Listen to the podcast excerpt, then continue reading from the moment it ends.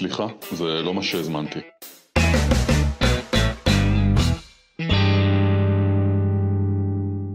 שלום, אנחנו בעוד פרק בפודקאסט, סליחה, זה לא מה שהזמנתי. אני לימור רייך, ואנחנו עם טל בשן, טל הוא מייסד בית ספר למנהיגות תודעתית, ואנחנו כבר בפרק 11. הגענו. על מה הפעם? אה, קראנו לפרק הפוך גוט אה, הפוך, אנחנו מתרפקים. היה לנו, אה, רפי תרגש אותי, נכון? אנחנו על גל נוסטלגי. אנחנו מזדקנים בעיקר. כן, גל נוסטלגי. הפוך גוט הפוך, אני חושב שאני רוצה לדבר היום על, על רעיון שנקרא תיקון הינו תמיד פעולה הפוכה להרגל. תיקון הינו תמיד פעולה הפוכה להרגל. זה מונח אה, עמוק בסדנאות שלנו. אה, אני הייתי רוצה לגעת בו כ, כרעיון ולגלגל אותו ולראות לאן, לאן נגיע עם זה. זה. זה מסוג הרעיונות האלה שיש להם שכבות ורבדים רבים. אה, אני אומר, זה כמו ללמוד את, את מבנה התא. יש ללמוד את מבנה התא, אני לא יודע, בכיתה ד', אז יש קרום חצי חדיר ומיטוכונדריה או משהו. ויש, אני לא יודע, בי' או, ב, או בתיכון, או בי"א י"ב, ויש, אה, זה אותו תא, אבל כבר אתה רואה שיש שם עוד אלמנטים, ובדוקטורט או פוסט-דוקטורט זה כבר משהו אחר לגמרי. והיום הייתי רוצה לגעת ברעיון הזה של תיקון כפעולה הפוכה להרגל, אה, בכיתה ג'-ד' כזה. אה, אבל מונח יסוד ש, ששווה לגעת פה. אבל אני רק אגלה למאזינים slash צופים שיש בסוף גם שיעורי בית. כן, אפרופו, אפרופו בית ספר יסודי. שיעורי בית להתפתחות אישית. כן. אה, תראי, בסופו של דבר, דיברנו על זה גם בעבר בפרק של רפי תרגש אותי ורגשות. אנחנו בעלי חיים מאוד מאוד פשוטים. יש לנו תכלית בסיסית קמאית, כמו, כמו חיות. אנחנו מנסים אה, לקרב את עצמנו לק... לתענוג, לעונג, ולהרחיק מעצמנו כאב. זה לא המצאה שלי, זה דבר ידוע, בודה דיבר על זה כ... כעיקרי הסבל אפילו. הכמיהה וההיקשרות לעונג, והדחייה הקבועה אה, והפחד או השאיפה להתרחק מכאב, הוא קורא לזה craving and aversion. ולא רק זה, אלא שאנחנו מפתחים ממש היקשרות לתענוגות שלנו, וכשלוקחים לנו את התענוגות, ואנחנו לא מבינים שהתענוגות, החוויה הגופנית של התענוג היא בסך הכל ארעית וזמנית, אנחנו נקשרים אליה ונורא נורא סובלים אה, כשלוקחים לנו את הדבר הזה. ואותו דבר, יש לנו מערכות עמוקות שכל התכלית שלהן היא להרחיק אותנו מכאב. אבל אנחנו לא בשיעור בודהיזם, אנחנו רוצים להישאר על החומרים שכבר דיברנו.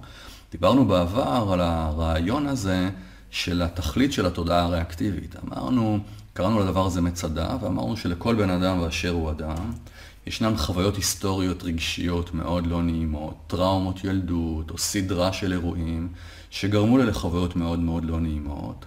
ושהתכלית אה, של התת-מודע או של התודעה שקראנו לה תודעה ריאקטיבית, היא להגיד את הדבר הבא, ולהגיד, פעם מצדה נפלה, זה היה נורא, כבר דיברנו על זה הרבה מאוד פעמים. אה, שנית, מצדה לא תיפול, what should I do? ומתפתחות אסטרטגיות ילדות אה, שהופכות להיות אסטרטגיית חיים, שהופכים להיות הרגלים מאוד עמוקים, שאחר כך הופכים להיות אפילו ערכים מובילים בחיים שלנו, ממש אידיאולוגיות, שבעצם כל התכלית שלהם היא לדאוג שהמצדה הזו לא תיפול שוב, שהרגשות ההיסטוריים הקמאיים האלה לא יחזרו. ומתפתחת אישיות לאורך הדבר הזה.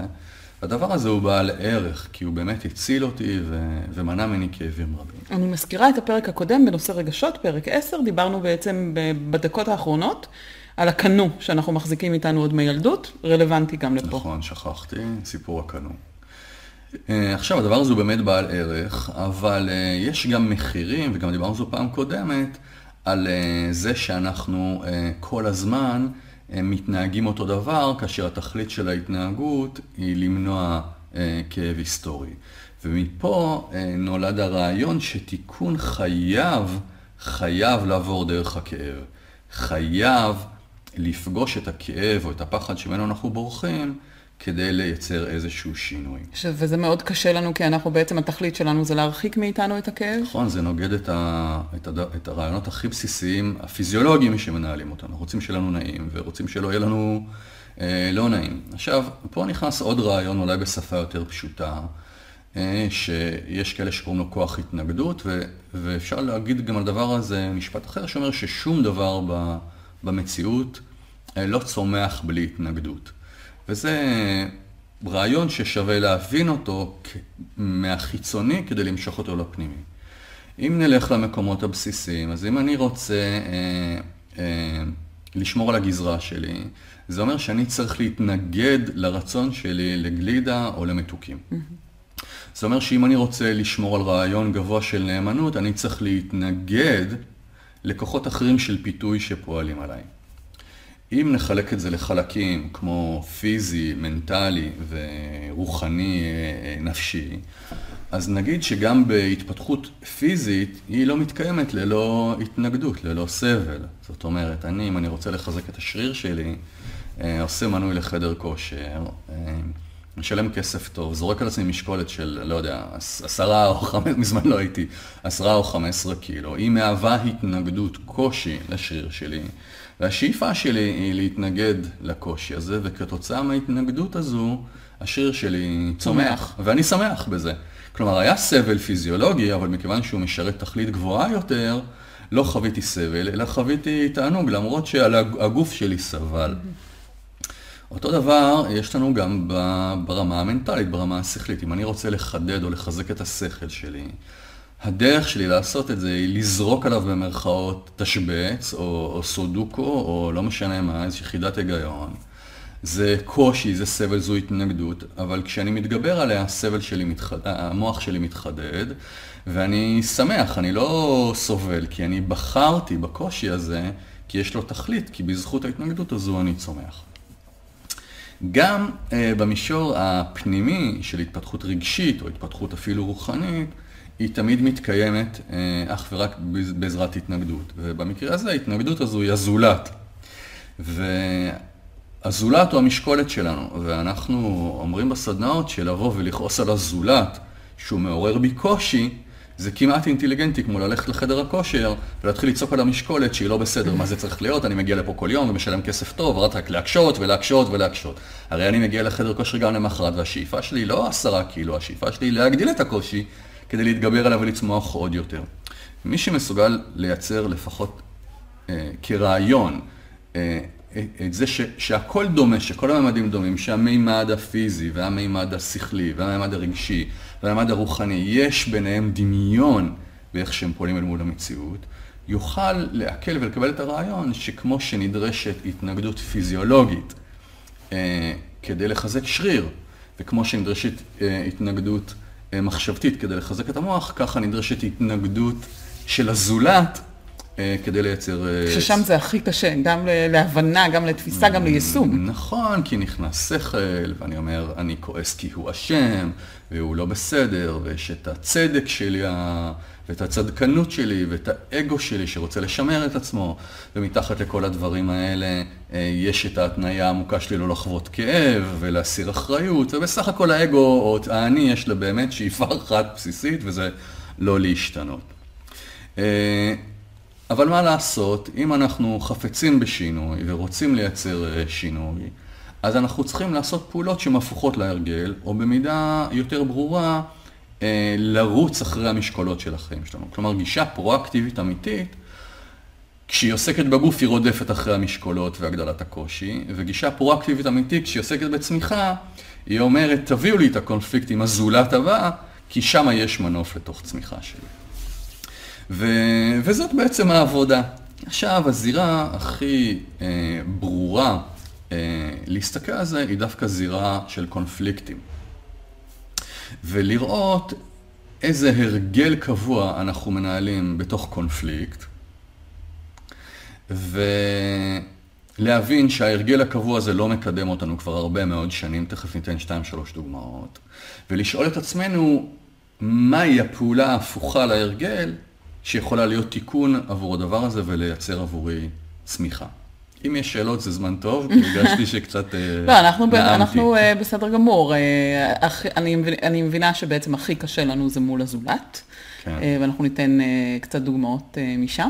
כן, יש, אני לא יודע אם ציינתי את זה בעבר, אבל אני איכשהו, זה תמיד מדבר אליי, יש מחזה מפורסם של סרטר, ש, שארבעה אנשים או חמישה אנשים אה, נפטרים ועולים במעלית אה, לגיהנום. יש אה, בלמן, דורמן כזה, שמעלה אותם כל פעם לגיהנום, והם נכנסים לחדר המתנה בכניסה לגיהנום, ויש דלת, והם יושבים ומחכים לגיהנום שמחכה להם מעבר לדלת.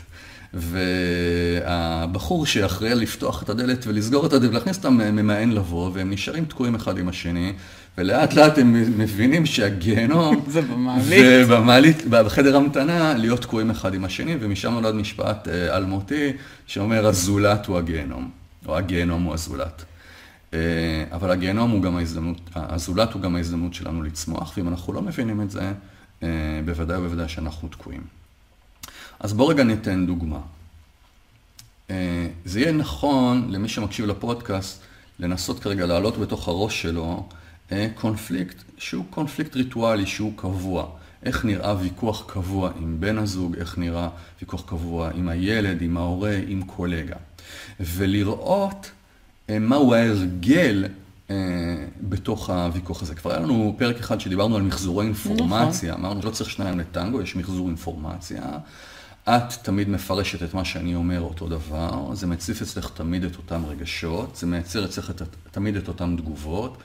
אני את התגובות שלך תמיד מפרשת אותו דבר, זה מייצר אצלי את אותן תגובות, וקיבלנו דבר שנקרא מחזור אינפורמציה, ובעצם אה, זה מוביל לזה שהמציאות נשארת אותו דבר, כי לשנינו יש תודעות ריאקטיביות, שתיהן מגיבות באופן אוטומטי זו לזו, אף אחד מאיתנו אין לו בחירה חופשית, ובעצם אנחנו מנציחים את המציאות, כפי שכבר אמרנו לדעתי עשרות פעמים, שזו גם הטרגדיה של התודעה הריאקטיבית, שהיא בוראת בדיוק אבל בדיוק את המציאות ממנה היא מנסה להימנע.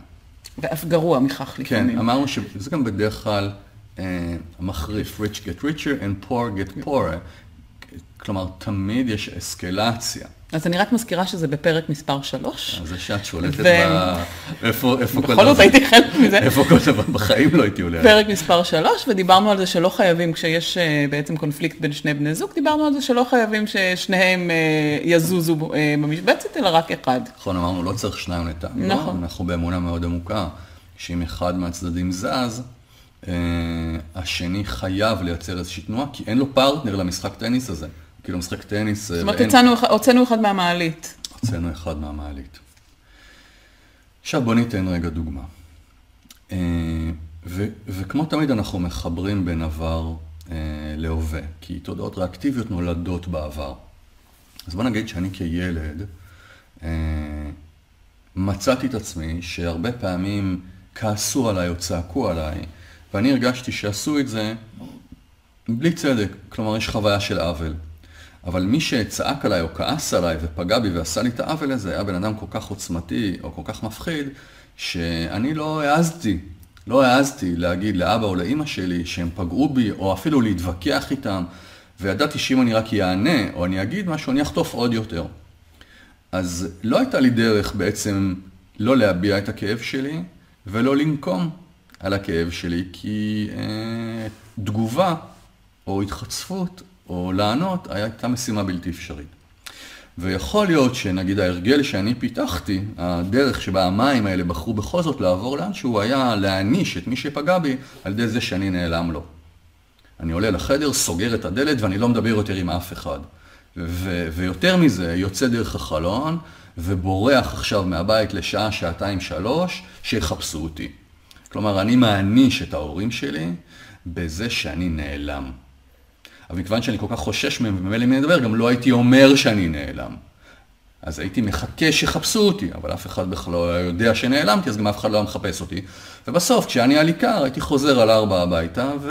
ומחפש את הדרך שלי לחזור לחיק המשפחה. כלומר, ההרגל ילדות שלי, כדי להתמודד עם המצוקה, היה נקרא לזה לעלות לחדר.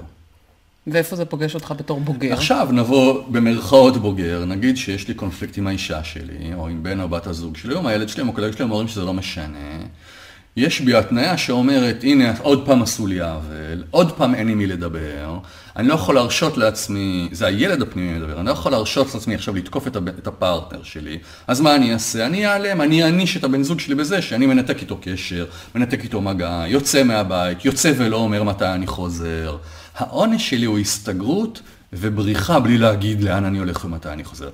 זה הנקמה שלי בעולם. וזה קונפליקט שיחזור עם, עם אשתך כל הזמן. זו, זו דרך הפעולה שלך, זה הכנוע שלך. נכון, אנחנו אומרים, כל הבלונים מחוברים אותה דוחזת. האסטרטגיה היא תמיד אותה אסטרטגיה. אם הילד שלי יעצבן אותי, למרות שאני העוצמתי, אני אעניש אותו בזה שאני אמנע את עצמי ממנו. אם תהיה כיתה שאני מלמד, שלא תהיה שבעת רצון ממני, אני אגיד לה, אין בעיה. אני אשאר פה בכיתה, אבל אתם לא תקבלו את כולי. חלק ממני כבר ברח לחדר. כלומר, יהיו לי הרבה מאוד מופעים לדבר הזה. עכשיו, מה הבעיה עם זה? הבעיה עם זה שאני עושה את אותו מחזור אינפורמציה, כלומר, האירוע נשאר אותו אירוע.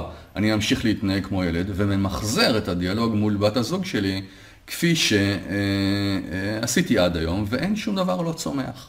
אוקיי? זה ההרגל שלי. אגב, יש לך, את יודעת מה הרגל כן, שלך? כן, אם אני מסתכלת על עצמי, אני אומרת, אוקיי, בילדות בעצם כל הזמן אה, אה, חוויתי חוויה של דחייה, אני אוקיי. לא רוצה להרגיש את החוויה הדחייה הזו אוקיי. שוב, לוקחת את זה איתי אה, אה, לבגרות שלי, ואז כל פעם במערכת יחסים, כשאני מזהה חצי ניצוץ של דחייה, אני בורחת עוד לפני שבעצם... כן. אה... עכשיו, כשאת אומרת מערכת יחסים, זה אומר שיכול להיות שגם כשאת נכנסת לחדר, נכון. לפגישה, לדיון, לקבוצת עבודה, ואת מרגישה שזה לא בדיוק זה, כאילו לא כולם שם נדלקו עלייך, כבר יש ויברח. כן, אני בורחת, זה למקום שלי, כי אני אומרת, אולי מישהו שם ידחה אותי בסופו של דבר. עכשיו, יכול להיות שזה בכלל לא, לא, לא issue, אף אחד בכלל לא חושב על זה, לא תהיה דחייה, וגם אם תהיה דחייה, so what? כן, לא, לא כולם חייבים לאהוב אותנו, ו breaking כן. news, בדרך כלל לא כולם אוהבים אותנו. אוקיי, דוגמה מצוינת. אז לך יש את הקנו הזה של אה, להוציא אה, מחושים ומשושים ולראות האם אוהבים אותי או לא אוהבים אותי, וברגע שיש ריח של דחייה באוויר, את מנתקת מגע ראשונה, אני אזרוק אתכם, לא אתם תזרקו אותי. לגמרי. והדוגמה שאני נתתי אומרת, אוקיי, ככה אין בעיה, אין לי מי לדבר, אני אעלה לחדר, עכשיו אתם תסבלו כי אני איננו. אוקיי, ועכשיו, מכיוון שאנחנו מבינים שיש לדבר הזה מחיר, כי את מאבדת מערכות יחסים שאולי יש להם פוטנציאל, ושוברת דברים שלא בהכרח צריך לשבור אותם, ואני נשאר בריטואלים שלא מביאים לי ערך, ואני גם לא פותר את הבעיה, אנחנו נכנסים לרעיון של תיקון כפעולה הפוכה להרגל, עדיין בית ספר יסודי, כי זה רעיון, אמרנו שיש לו יותר עומק. אבל הוא הבסיס להכל. זאת אומרת, כן. אם נלמד אותו בבית ספר יסודי, סביר להניח שנצליח גם כן, בתיכון. כן. וגם בדוקטורט. כן, אינשאללה. אז בעצם התחלת לבקש ממי שמאזין או צופה, שינסו גם לחשוב על אה, איזושהי פעולה שהם אה, מול, מול הזולת, שהם כל הזמן כן. עושים את אותו דבר. כן. ונתנו פה שתי דוגמאות. אז בוא נרכב, על, בוא נרכב על הדוגמאות האלה. וגם זה זמן טוב להגיד שכשאני עושה תיקון כפעולה הפוכה להרגל, כלומר פועל בניגוד להרגל העמוק שלי, זה מרגיש counter-intuitive, בניגוד לטבע שלי, אם זה לא מרגיש קשה, כמו אה, לקום אה, מהרצפה, כאילו התרסק עליך בית מלא קומות עם לבנים, כלומר אם זה לא מרגיש עד כדי כך קשה, זה לא זה. זה לא התיקון. כן. כלומר, נגיד שאני, יש לי קונפליקט עם בן או בת הזוג שלי, ואנחנו הולכים לדוגמה של ההרגל הוא להסתגל ללכת לחדר ולהעניש בבריחה. זה אומר שפעולה הפוכה להרגל תהיה לגשת לבן הזוג שלי, כלומר לרדת מהחדר, לגשת אליו ולהגיד לו בדיוק ממה נפגעתי ומה אני מרגיש, כאשר בפנים מפעם אצלי הפחד שנעשה לי עוול, שאין לי מי לדבר, שאם אני רק אגיד מה אני חושב אני אזכה לעוד מתקפה ולעוד עוול. כלומר, הפעולה ההפוכה היא לצאת מהחדר, לרדת מהגג, להגיד בדיוק מה אני מרגיש, ובשנייה שבמימד הגשמי אני עושה פעולה שהיא הפוכה לפעולת ההרגל שלי, מה שנקרא מישור ה-doing, מיד בפנימיות שלי יצופו כל הרגשות שכל החיים אני מנסה למנוע מעצמי. אותה מצדה. במקרה הזה הרגש של העוול, שעוד פעם יקרה העוול הזה, עוד פעם יאשים אותי במשהו שלא עשיתי, ועוד פעם יעלה הפחד הגדול הזה שיתקיפו אותי שוב ולא יבינו אותי. זאת אומרת, ופה אני מסבך, אולי אנחנו עולים כיתה רגע, פעולה הפוכה להרגל פועלת תמיד בשני מישורים. היא פועלת פעם אחת במישור של פעולה, כלומר לפעול פעולה שהיא הפוכה להרגל ההיסטורי שלי, במקרה הזה לגשת וכן להגיד מה אני מרגיש ומה חוויית העוול שנעשתה לי. ופעם שנייה, במישור של ההוויה, במישור הרגשי, שאנחנו חוזרים לרפי תרגש אותי, שאומר שהתפקיד שלי הוא עכשיו לשהות בבור הזה, כלומר בגל הרגשות שעלה, שעד היום הייתי עסוק רק בלמנוע אותו. וזה, את תגידי, כי אני לא תמיד זוכר, ולזה קראנו קבלה מלאה של הבור, מבטלת, מבטלת את הבור. דיברנו לגמרי. על זה. דיברנו על זה, דיברנו על זה שאנחנו כל הזמן מחזיקים את הרגשות מתחת למים, לא נותנים לראש לצאת החוצה, ובעצם אה, הקבלה המלאה של הבור זה לתת לכל לצאת החוצה, כן. לשהות בתוך זה, נכון. להתמודד עם זה, לא ברמה של להחביא את זה, אלא להיות שם. נכון. אהבה, שזו מילה מוזרה פה באירוע הזה, אבל זה אומר שאני נותן לילד הזה, עם החוויה הרגשית שעלתה כרגע, אותה חוויה רגשית שלא נתתי לה מקום, אני נותן לילד הזה, על מנעד הרגשות ההיסטוריים האלה, אהבה. וזו הטרמינולוגיה הנכונה כשמדברים על קבלה מלאה של הבור מבטלת את הבור. כלומר, הקבלה היא היכולת שלי לתת אהבה לעצמי כשהרגשות האלה צפים. אם ניקח את הדוגמה שאת נתת, אם פחד מדחייה גורם לך לעשות ויברח ברגע שאת מריחה צל הרים כהרים. זה אומר שהפעולה שלך תהיה, כשאת מגיעה ומרגישה חוויה של דחייה, הפעולה שלך תהיה...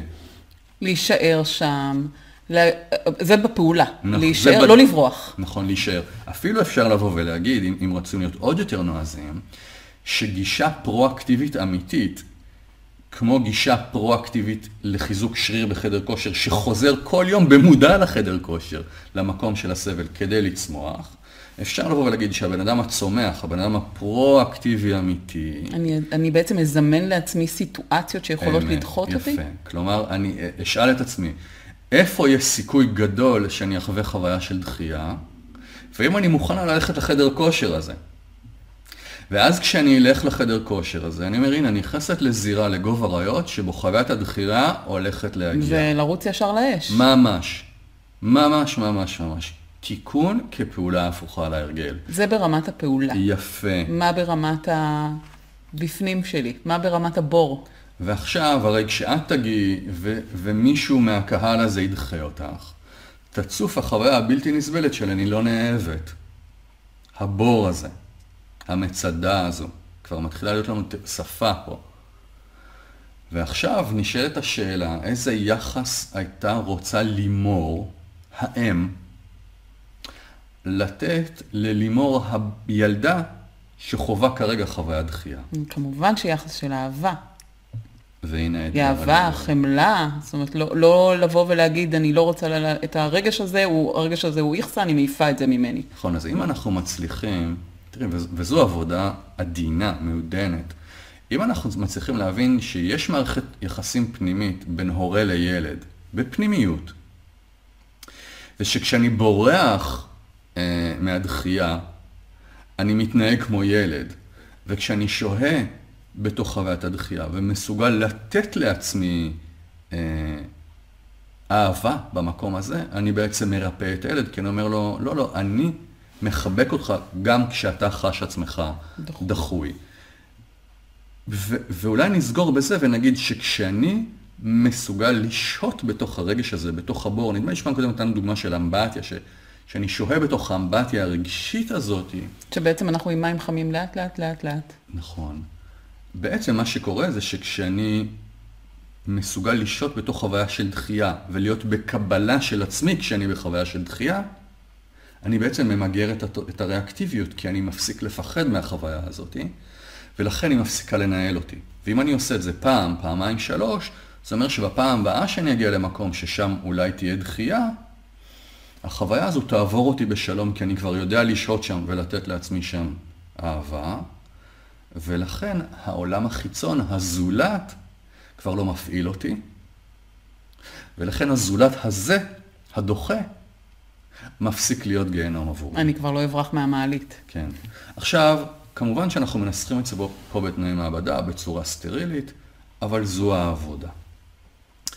אה, גם, גם, אני, אני, זה עלה לי לפני כמה רגעים, אני לא יודע אם זה נכון לדבר על זה, כי זה עשוי לזהם את הפודקאסט ובכלל העבודה הפנימית צריכה להיות נטולת פניות ונטולת פוליטיקה, אבל גם מה שקורה היום בארץ ישראל האהובה, אנחנו כולנו הולכים לזולת הוא הגיהנום.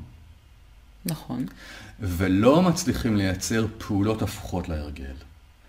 כולנו מבינים שבמקום הגבוה רק האהבה תרפא את הדבר הזה, ועדיין אנחנו במקום מאוד פרטי של דחייה של הצד השני, כי אנחנו צודקים וכי הצד השני הוא מחרב. אבל ככה בדיוק נראה מחזור אינפורמציה. אז אולי גם זה חומר למחשבה. נגעתי ועזבתי, כי זו זירה mm-hmm. שאולי היא למקום אחר. אה, אני רוצה שאנחנו אה, ניתן שיעורי בית. בעצם מה שאנחנו עושים אה, אה, בפודקאסט בכלל ובכל פרק, אנחנו נוגעים אה, נגיעות כאלה בחומרים שאתה בעצם מעביר בסדנה. אה, בסדנה אנחנו עושים אה, עבודה מאוד מאוד פרטנית. כן. אבל מאוד הייתי רוצה שבעצם אנחנו אה, כרגע ניתן איזושהי אה, מחשבה אה, ופעולה לעתיד למי שצופה בנו או מאזין לנו. אז מה השיעורי בית? אוקיי. ממה, שלבים בשיעורי אני, בית. אוקיי. הייתי מציע שכל אחד יבחר את הקונפליקט הזה, שהוא קונפליקט יחסית קבוע ובעל משמעות בתוך החיים שלו. מוצא את עצמי מתנגח עם בן אדם A על נושא B, והטקס של זה נראה כך וכך. זאת אומרת, משהו, קונפליקט קבוע? כן. לא משנה לי מול מי. לכתוב... ומשמעותי בש... עבורי, לא כן, איזה קונפליקט. שהייתי שמח להיפטר ממנו. אוקיי. לכתוב בשלוש שורות מהקונפליקט הזה. אחרי השלוש שורות האלה, לכתוב מהו ההרגל שלי. כלומר, מהי ההתנהגות שאני מתנהג באופן קבוע. אבל טל, מה אני עושה, נכון? לא מה הצד, הש... כן, לא כן, מה הצד לא, השני מגיב. אנחנו לא עוסקים בצד השני. מהי ההתנהגות הקבועה שלי מבחינת רגשות שאני מביע והפעולות שאני עושה, ובצד אפשר לכתוב גם האם זה מביא או לא מביא תועלת. ברור שזה לא מביא תועלת, אבל לא יקרה כלום אם נראה לעצמנו כמה אנחנו לא מקדמים את עצמנו. ושוב אני חוזרת ומדגישה, לא להתייחס לצד השני, מה הצד לא, לא השני לא, עושה, לא כי זה מזהם לנו את העבודה. כרגע זה לא רלוונטי, זה אף פעם לא רלוונטי, אבל אוקיי. ואחר כך לשאול. מי שרוצה להעמיק יכול לשאול את עצמו מאיזה רגע שאני מנסה לברוח כשאני עושה את הפעולה. עכשיו פעולות יכולות או תקיפה, או בריחה, או הסתגרות, או היעלבות, יש, יש מיליון ריטואלים.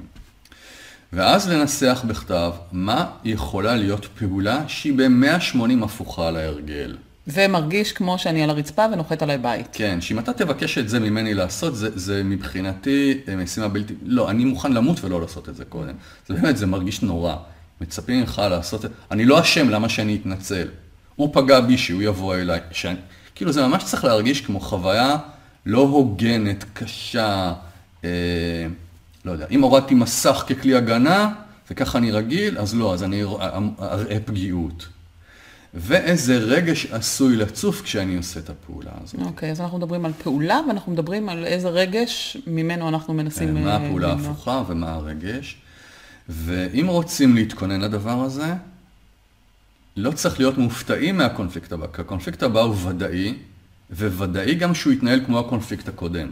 אז שווה אפילו להגיד, בפעם הבאה שהפרטנר שלי עושה X, אני לא נופל לפח, אלא אני מיד עושה פעולה הפוכה להרגל. אני לא אומר, אוי, איך זה עוד פעם קרה לי, איך הוא עוד פעם מתנהג ככה. לא, אני אומר, אה, הנה, חיכיתי. אני לא מופתע מזה שהמשקולות יושבות שם בחדר כושר ומחכות לי. וממנף את הזולת כדי לצאת מהגיהנום. ממנף את הזולת כדי לצאת מהגיהנום, שזה גם כן מאוד מאוד מקומם, כי הרי הוא אשם.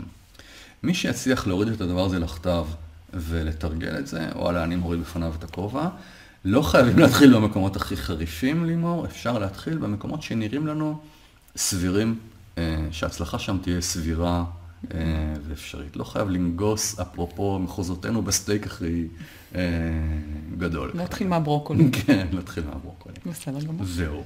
טוב, אז תודה לך. שוב, זה היה מלמד ו...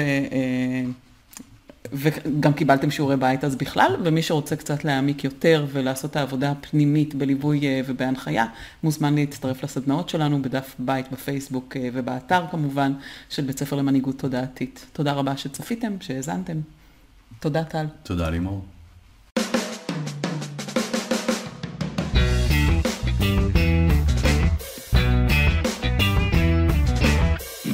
סליחה, זה לא מה שהזמנתי.